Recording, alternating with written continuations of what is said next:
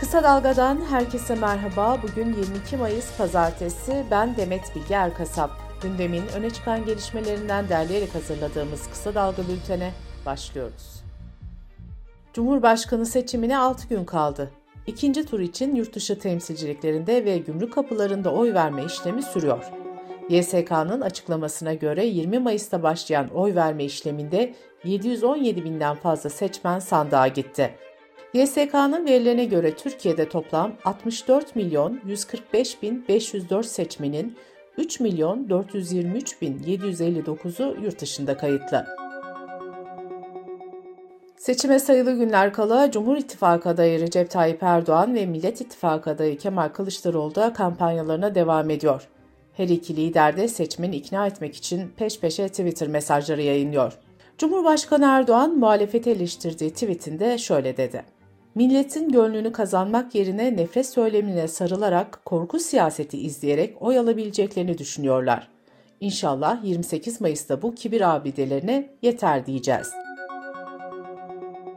Millet İttifakı Cumhurbaşkanı adayı Kemal Kılıçdaroğlu ise Twitter'dan yaptığı paylaşımda seçmenlere oy verme çağrısında bulundu. Kılıçdaroğlu şunları söyledi.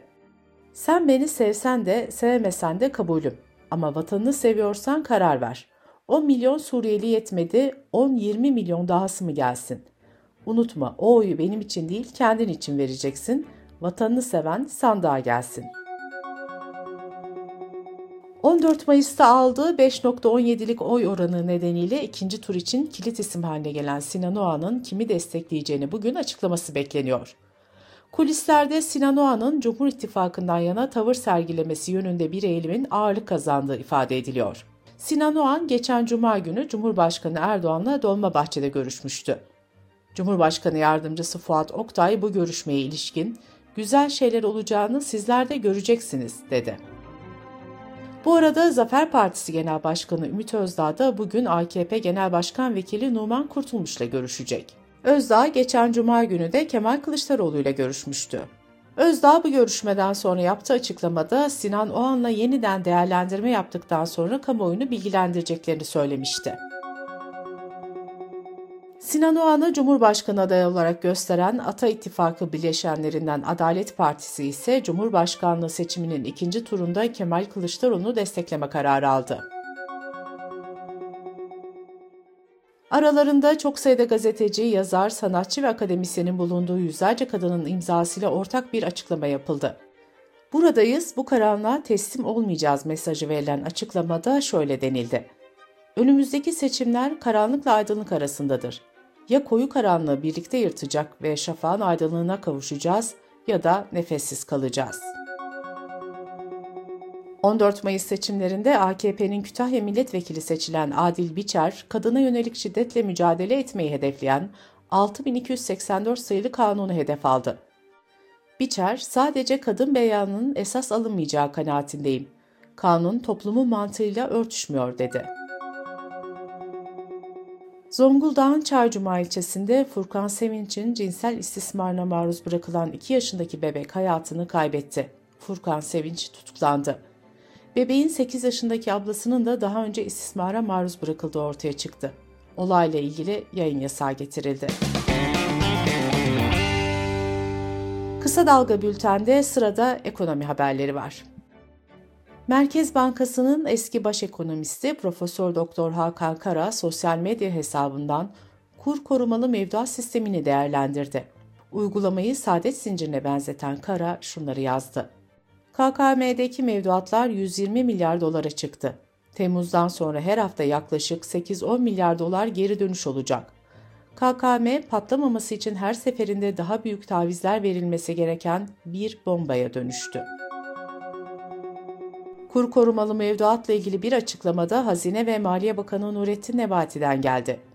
Kur korumalı mevduat uygulamasının bütçeye maliyetinin 95.3 milyar lira olduğunu belirten Bakan Nebati, faiz üst sınırının kaldırılmasıyla mevduatın bütçe üstünde ciddi maliyet oluşturmasının beklenmediğini kaydetti.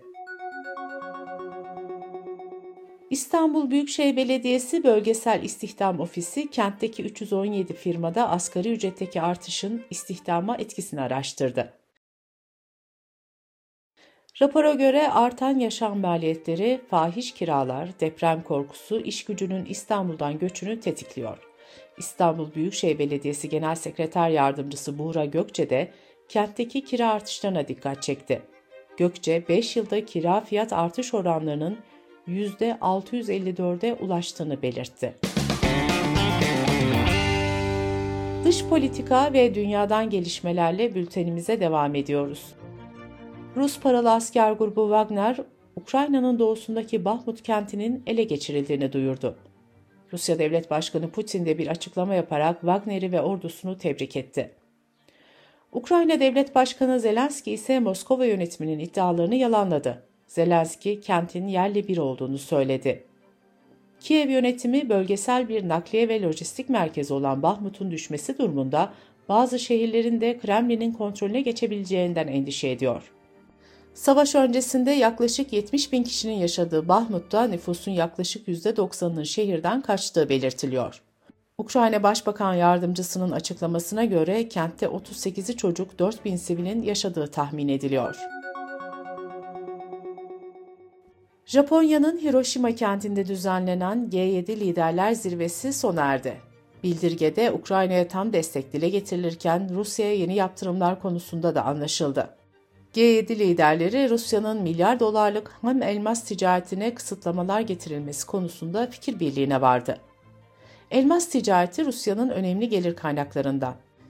Devlete ait elmas madenciliği şirketinin 2021 yılında elde ettiği gelirin yaklaşık 4 milyar euro civarında olduğu biliniyor. Rusya Dışişleri Bakanlığı da G7 toplantısına ilişkin sert bir açıklama yaptı. Açıklamada toplantının ana sonucu Rusya ve Çin karşıtı iğrenç pasajlarla dolu bir dizi bildiri oldu denildi. Bakanlık G7'nin küresel sorunların daha da şiddetlenmesine neden olduğunu savundu. ABD Savunma Bakanlığı ise Washington'ın Kiev'e sağladığı yeni askeri yardım paketinin tutarının 375 milyon dolar olduğunu bildirdi. Yunanistan'da 9 milyon 900 bin seçmen dün sandık başına gitti. Yayınlanan son anketlere göre seçimlere katılmaya hak kazanan 36 partiden ancak 6'sının %3 barajını aşarak meclise girme şansı olduğu görülüyor. Aynı anketlere göre Başbakan Miçotakis'in liderliğindeki muhafazakar Yeni Demokrasi Partisi'nin oy oranı ise %32,5. Sudan'da ordu ile hızlı destek kuvvetlerinin 7 günlük insani ateşkes konusunda anlaştığı bildirildi. 36 gündür devam eden çatışmalarda 850 sivilin hayatını kaybettiği, 3000'den fazla kişinin de yaralandığı açıklandı. İtalya'da meydana gelen sel felaketinde ölenlerin sayısı 14'e yükseldi. Bölgede hafta başında etkili olan yağışların yol açtığı sel felaketi nedeniyle 36 bin kişinin yerinden edildiği belirtildi. En az 34 bin haneye de elektrik verilemiyor. Belçikalı bir şirket mezbalarda kesim sonrası biriken hayvan kanını içme suyu kalitesinde suya dönüştüreceğini açıkladı. Beos adlı şirket hayvanın kanını içme suyuna dönüştürmek için 2 milyon euroluk bir arıtma tesisi kuracağını duyurdu. Arıtma tesisinde kesim sonrası biriken hayvan kanı koyulaştırılarak vakumla kurutulacak. O süreçte kandan ayrılan su buharının tekrar su olana kadar yoğunlaşması sağlanacak. Elde edilen bu su yeni tesiste arıtılacak ve üretim sürecinde kullanılacak. Bültenimizi kısa dalgadan bir öneriyle bitiriyoruz. Kısa Dalga muhabiri Esra Tokat, Kadın Cinayetlerini Durduracağız platformu Genel Sekreteri Fidan Ataselim'le seçim sonuçlarını ve ikinci turu konuşuyor. Esra Tokat'ın söyleşisini kısa dalga.net adresimizden ve podcast platformlarından dinleyebilirsiniz. Gözünüz kulağınız bizde olsun. Kısa Dalga Medya.